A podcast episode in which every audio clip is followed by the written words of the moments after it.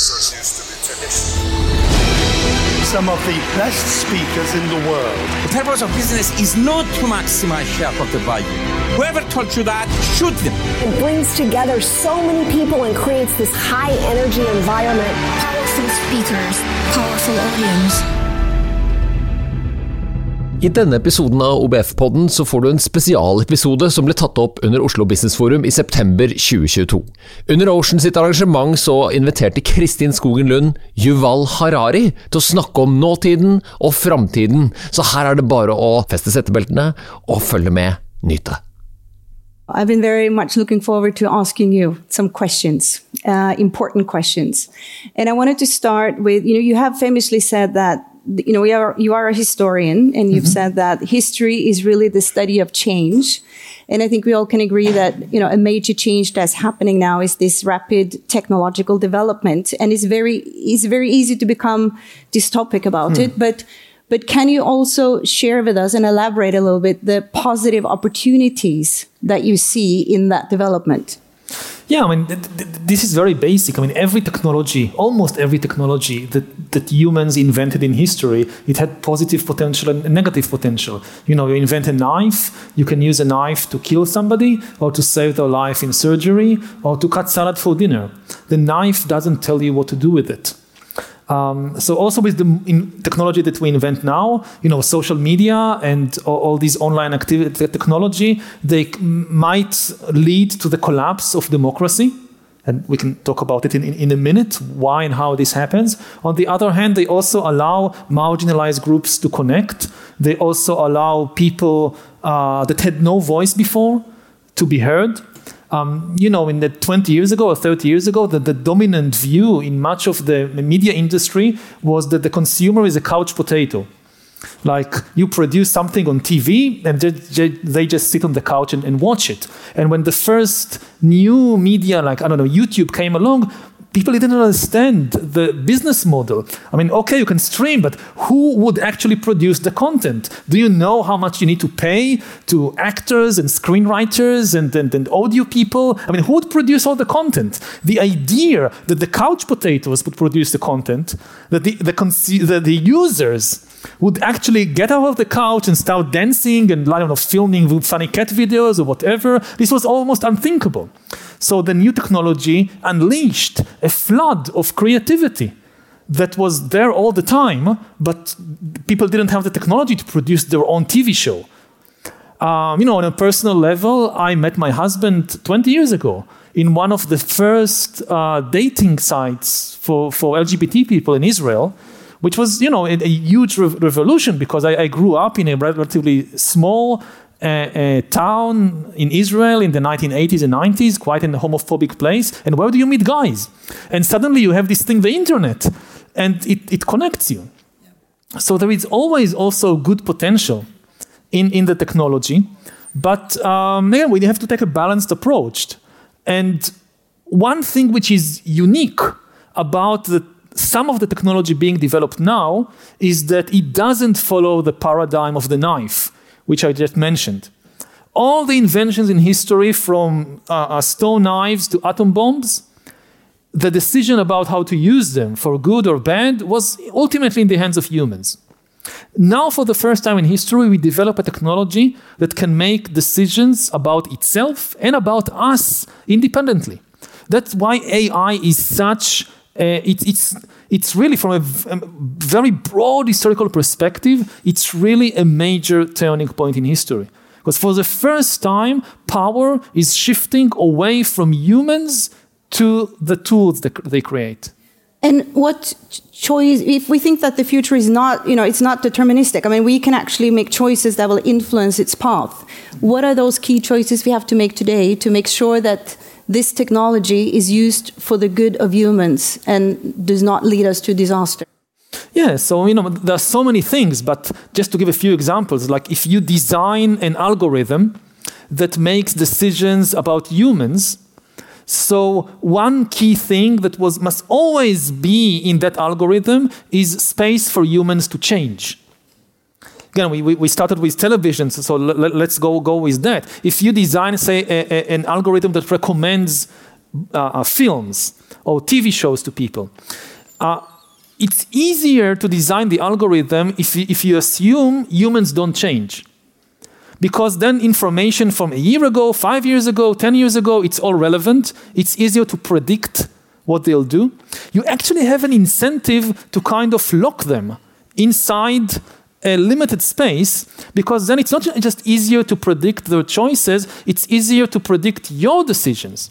If I don't know, if I'm Netflix and I want to invest a hundred million dollars in producing new movies, I want to know in advance which movies the customers would want to, to see. If last year they wanted to see uh, uh, superhero movies, so I invest a hundred million in the new Spider-Man if they change their preferences, I made the wrong choice. Now suddenly everybody wants to see these dark Nordic dramas. So I wasted $100 million on the wrong movie. So I have actually an incentive to lock people into predictable patterns. And this is very dangerous. Uh, the actually because the algorithm have enormous power to shape us not just to predict us so the algorithm should take into account that humans can change should actually encourage people say to develop their artistic taste. And it goes all the way from movies to uh, much very serious things like security systems.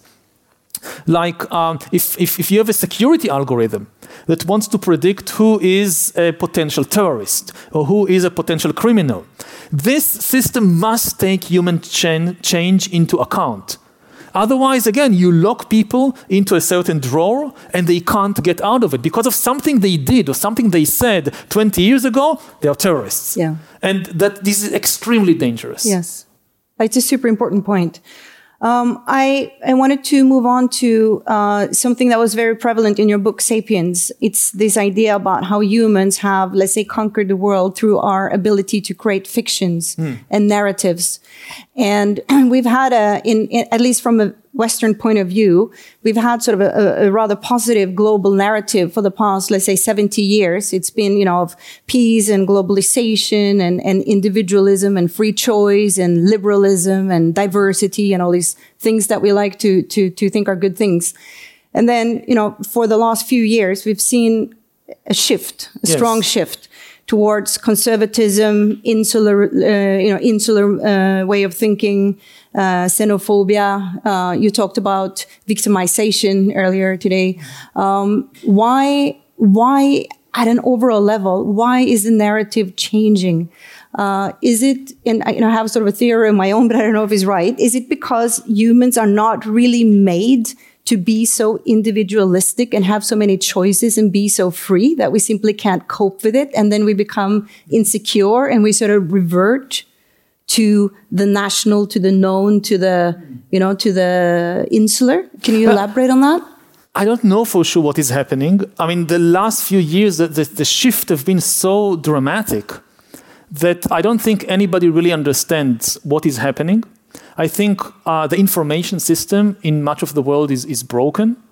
That because you see the same thing happening in very different settings, in the United States, in Brazil, in Israel, it's very, very different cultural and political settings, but you see the same polarization. The, the, the, what's really broken is that people can no longer agree on basic facts and can no longer hold a conversation, which means that the democracy becomes impossible. What's strange about it is that the actual ideological differences are not bigger than, let's say, in the 1960s, they're actually smaller. And yet, people, I mean, so something seems to be fundamentally broken in the information system. That we changed it so quickly that with all the kind of latest information technology, the architecture of the system, something is deeply wrong there. And we need to find out what and to fix it. Now, I don't agree, though, that what we see is a rise of conservatism or nationalism. I think the, the exact opposite. I look at the world today, especially the Western world, there are no longer any conservatives. If, if I had to characterize what's really what's the part of the political, the deep political problem, the conservative parties disappeared. There are still parties that call themselves conservatives, but if you look, for instance, at the Republicans in the United States, they are the opposite of conservatives. Traditionally, the meaning of being a conservative is that uh, you care about institutions, you care about traditions, you have all these progressives that want to run fast and change things, and you say, no, no, no, let's slow down. let's slow down. We, uh, this institution may look to you to be outdated, but it's dangerous to change institutions too quickly. So you had these two, two parties, one with the leg on the brake and the other with the leg on the, on the fuel pump, and you, and you switch between them. And now the Conservative Party is gone. Because you look at the Republicans, they are a radical party of destroying institutions, uh, destroying traditions, and not cons- and it becomes the job of the Democrats to uh, preserve traditions and institutions, and they are not good at it because they are still doing their own job yeah. of, of, of pushing for change. So there is nobody there is just nobody who is, so yeah, I don't know, Liz Cheney, okay. But there is really nobody who is left with this task of, okay, my job here is like the ballast of the ship. I'm just trying to prevent things from moving too quickly, and I'm trying to preserve the institutions and the, and the traditions of, of our, our, our, our, republic. Similarly, what you see is not a rise of nationalism, you see a rise of tribalism, which tears nations apart. Again, the US is, is, is the kind of, of, of, the, the, the, critical example, but it's not, not only there. Um, the, the, the essence of nationalism is not hating foreigners or hating minorities, it's caring about your compatriots and, you know, paying your taxes honestly so somebody on the other side of the country would get good health care. This is the essence of being a good patriot. And this is gone. Increasingly, you see the people on the other side of the country or the street as your enemies. Americans now fear and hate each other more than they fear and hate anybody on the planet. And this is true of many countries that you see nationalism, like the, the, the good, the good meaning of nationalism, of caring and, and about the people in your country going down. And instead, this kind of tribal rivalry, which makes democracy impossible. Because if you think I mean, to have political rivals, that's fine. That's what democracy is all about. But if you think your rivals are actually your enemies, they are out there to destroy your way of life, then you will do anything to win the elections because this, this is now a war for survival. And if you lose the elections, you don't accept the result. Exactly. But, you know, from a Nordic perspective, you know, we, we pride ourselves in having dealt with development quite well. You know, we have our tripartite model, collective bargaining, uh, relatively small inequalities, high level of trust, high welfare, uh, redistributive welfare systems, as you know. Uh, do you think we are more immune to this development that we don't really understand what, where, where it stems from? Or do you think we're all sort of part of it in the sense that no one, no one can be, let's say, immune to this development? I mean, I, am not an expert on the, the, you know Nordic society, so I don't know. But you, you see that the pace of change is so quickly. I don't think anybody should be complacent and say it can never happen here. It can never happen to us, because again, the, the um, one of the interesting things about it is that it's not about a huge ideological divide. If you look at the ideological battles today and in the 60s, they're actually much bigger in the 60s. If you think about you know, the key hot issues in American politics, again, I'm focusing on the United States, but it's, it's true of many other countries. If you think about abortion, about gay marriage, uh, these are actually the aftershocks of the sexual revolution of the 1960s. The sexual revolution of the 60s was much, much bigger. And yet, uh, people were able, I mean, there was a lot more violence in the street with assassinations, with riots, but at the end of the day, people could still have a conversation, and when they lost the elections, they accepted it. You know, when Johnson wins the elections or when uh, uh, Nixon wins the elections, the other side said, yes, they, they won the election, let's try again next time. Yeah. So, and again, you think about issues like the Vietnam War, the civil rights movement, the Cold War. There were much bigger issues than what people are fighting about today, and yet they were able to hold the conversation.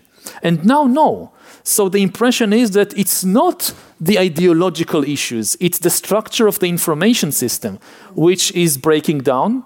And this should worry, therefore, also countries that you say, we don't have any big ideological issues. You don't need big ideological issues in order to have this kind of, of breakdown. You know, I, as a historian, I know that humans can tear apart their societies about nonsense that afterwards they look back and they say, what was this all about? Like you think about the wars of religion in Europe in the 16th and 17th century, Protestants and Catholics, killing each other by the millions, destroying entire societies.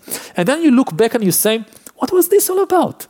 So, yeah, no, you're right. And I think even in our societies, we see what you said is lacking in the US. You put uh, Liz in and I, I, call it the tacit majority. Uh, the 80% of the population who just really want to find good compromises and move on. Uh, they, they do not have such a clear voice anymore and you give a lot of uh, attention to the special interests at the fringes and i think that's also happening in our public debate more and more. Not to the extreme at all but but you see the tendency. So i think that's a that's a, maybe a natural segue over to media then being a media executive myself. Uh, i know that you're very concerned about the the quality of information and news and it is a bit of a, a, paradox when we know how important it is to have the right uh, type of information that we seem to be willing to pay for almost everything, you know, senseless luxury goods and cars and everything. And we're not really willing to pay for good information and quality news. Yeah. Although here in the Nordics, we do actually have the highest willingness to pay for quality news and we have the highest penetration of quality news. But still here, there are large audiences that are not consuming what we would, you know, call curated and and and and uh, quality proved uh, news. How do you explain that? Why do humans do that to themselves? Yeah, this is a huge, huge paradox because, as you say, I mean, people are willing to expend so much money on having quality food, yeah. but not quality information, which is, is, you know, this is the food of the mind. Um, and and uh, part of it is kind of the original sin that when the whole internet system was established, the model was free. You get it for free, yeah. and we make our money in all kinds of other ways, like uh, commercials and selling your information and whatever. Atten- and attention economics, basically. Yeah, and, and, and this is just a bad model that we got stuck with. I mean, part of the problem with a lot of big systems is that you start, you know, small. You don't think too much about the long-term consequences. I mean, it works now, okay, fine, and then people get used to it, and to change it later is extremely difficult. So, you know, you don't expect to walk into a supermarket and get food for free, but you do expect to get your, and now to change these, these expectations is, is, is, difficult, but I think it's, it's, it's, it's essential. Uh, it's very important to change this, this model. Of, of the information system and of the news, just to think about it, you wouldn't agree. I mean, even if somebody came in and offered to pay you so that they can uh, brainwash you for an hour a day. We'll, we'll give you, say, a thousand euros a month. In exchange, for half an hour, you allow us to brainwash you. Nobody would agree to that. But if they come and say, we'll do it for free, you know what? We'll do it for free. Then, oh, yes, then I'm willing to be brainwashed by you for. Why? can we, can we, do you think it's feasible to change that? Can we change yes, I mean, the, the whole same logic way. I mean, it's, it's not easy, but who, who uh, can change it and how? Please tell me. you know, the, I, I, don't know. I don't have uh, the answer. I do know as historians that we've been in this situation many times before, like with the print revolution. That the print revolution broke the power of the old institutions, like the Catholic Church, to control the information market. The result was not, you know, the scientific revolution. This was a small byproduct. The result was a flood of fake news and conspiracy theories and, and religious wars and, and whatever. You know, the biggest bestsellers were about witch hunts, not about, uh, uh, I don't know, Copernicus and Galileo Galilei and, and, things like that. And eventually, the only way to, do, to, to kind of curate information is through institutions. And eventually, new institutions emerged, whether it was the modern media uh, institutions like newspapers that uh, their main role is to curate information. That uh, you trust, you know, initially there were daily pamphlets. That people would publish these one time pamphlets about anything, about witches, and you would read it, yeah, yes, it, I, have read it in a pamphlet that there are witches, so we must go and hunt them. Eventually, the, the, somebody had an idea of having a serial pamphlet that you publish not once, but you, you have the same title and you publish again and, again, and then you have to protect your, your, your, your brand. Yeah. And so you have to be more careful about what you write there. And this was the emergence of the new institutions like newspapers. And it's the same with science. That scientific publications, it's never about the individual. I can't know all the scientists in the world. So how do I trust a, a certain scientific finding? Because it's published by a particular institution like a scientific journal or a scientific association, that I trust the institution. So the, the big job that we are facing is building either new institutions or kind of, of uh, uh, uh, rebuilding the old The- institutions. Yes, exactly. I think you know we're running out of time, and there are two more things I really want to ask you. Okay. One was um, one is is a building on this, and it's about whether you think that could there be some sort of solution that we change the entire.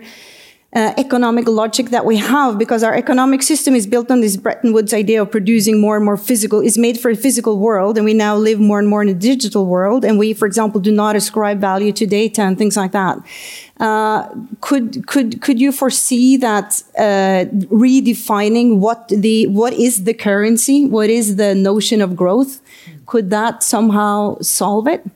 I mean, th- th- th- different countries are in different uh, stages. If you think about many developing countries in Africa, in South Asia, they need a lot of physical stuff. Yeah. They need sewage systems. There are no toilets. They need running water. So um, they need more physical stuff, which means more energy. You know, with all the de- debate about climate change and reducing emissions, we should always remember that you know countries like Norway they are the minority. The uh, uh, Nigerias and Brazils of the world they are the majority, and they need more physical stuff. But at the same time, we should hope to avoid some of the mistakes that were made when wh- wh- while building When we the- the- develop, the, the, yeah. the, developed country. And also, uh, yeah, many things. I think the shift, the, the key shift should be to satisfying the real psychological and social needs of humans. Like you think about flying to the other side of the world to have a vacation, which is very costly in ecological uh, term and energy terms. And then you think, let's try to find out what people actually want. What they want, for instance, is maybe to connect with nature, is maybe to connect with friends, it's maybe to have some time to, to relax and find some peace of mind. So these are the essential goods. Now, can we find a way to provide the essential goods like peace of mind and connection with friends and nature without flying to the other side of the world? So this should be uh, how we think about many other things. Yeah. I have to ask you one more question. I know we're running out of time, but one more question, if that's okay. Can we somehow, uh, I mean, th- this development, it's so, you know, I, I, I go crazy when I try to think about it. You know, how am I going to force, you know, with, with the company lead, you know, how are we going to adjust to everything that's happening? It's happening so fast. No one controls it. No one foresees it. Do you think we can come to some sort of point where this whole development implodes on us? I mean, humans can no longer cope, can no longer adapt, and it starts to do so many bad things to us that we, that we that we somehow need to reverse it is that is it thinkable that let's say the technological evolution uh, stops and and starts going reverse because we can't have it like that we will extinguish ourselves unless we manage to stop it There are two different questions. I think we are in danger of imploding psychologically. Things are moving too fast, we just can't cope anymore. To understand what is happening, uh, it doesn't mean it will stop the technological development. Again, the, the most dangerous thing now in the world is the increasing international tensions with what's happening in Ukraine, with the tension between China and the United States, and so forth, uh, because this means that we are getting deeper into the logic of an arms race. And in an arms race, even if you realize it's bad to move so fast and so recklessly, you, you keep moving faster and faster because you're afraid that the other side is moving faster. Like to take a concrete example, if you think about uh, killer robots, autonomous weapon systems, it's very easy to see this is a bad idea, or at least it should be done very carefully and slowly. But if you say, but the Chinese are doing it, the Israelis are doing it, the, the Americans are doing it, we must also do it and and and then we can see both things happening at the same time. Humans no longer able to understand and cope with the pace of change but the pace of change just accelerating. So i, I think the the, the, the, the the key in this sense is to find some way back. And how To- is, what how do we find that way back? How can we do that? Th- th- I, I don't know. I mean, that, that's that's the big, that's the number one, I think, uh, uh, job of politicians. Though because it's about compromises it's about it's not you know like having the scientific insight. It's about understanding people and groups of people and uh, core interests and can we find a way to compromise on this or, or, or on that. And that's i think the, the number one job of, of politicians today. And uh, i think politicians have a very difficult a very important job. It's sometimes common today to disparage them or to look down on them or to hope that somebody else will solve the political problems. Okay, let's get rid of all these politicians, let's bring some scientists. The, the, terrible idea. Scientists don't understand politics. If you have ever been on a departmental uh, committee or something, you know scientists don't understand politics. Um, so uh, it's it's the job of we need good politicians. So people who have like good social skills, I would encourage them to to to go in, in into politics. Um, and new and narratives, maybe. Yeah, but and not even new narratives, but uh, because essentially, I think we have common interests. It's we just uh, very often are ignorant of these common interests, or we have the wrong priorities. Like we are facing several existential threats, and yet some politicians or some people they focus the attention on the completely wrong issues.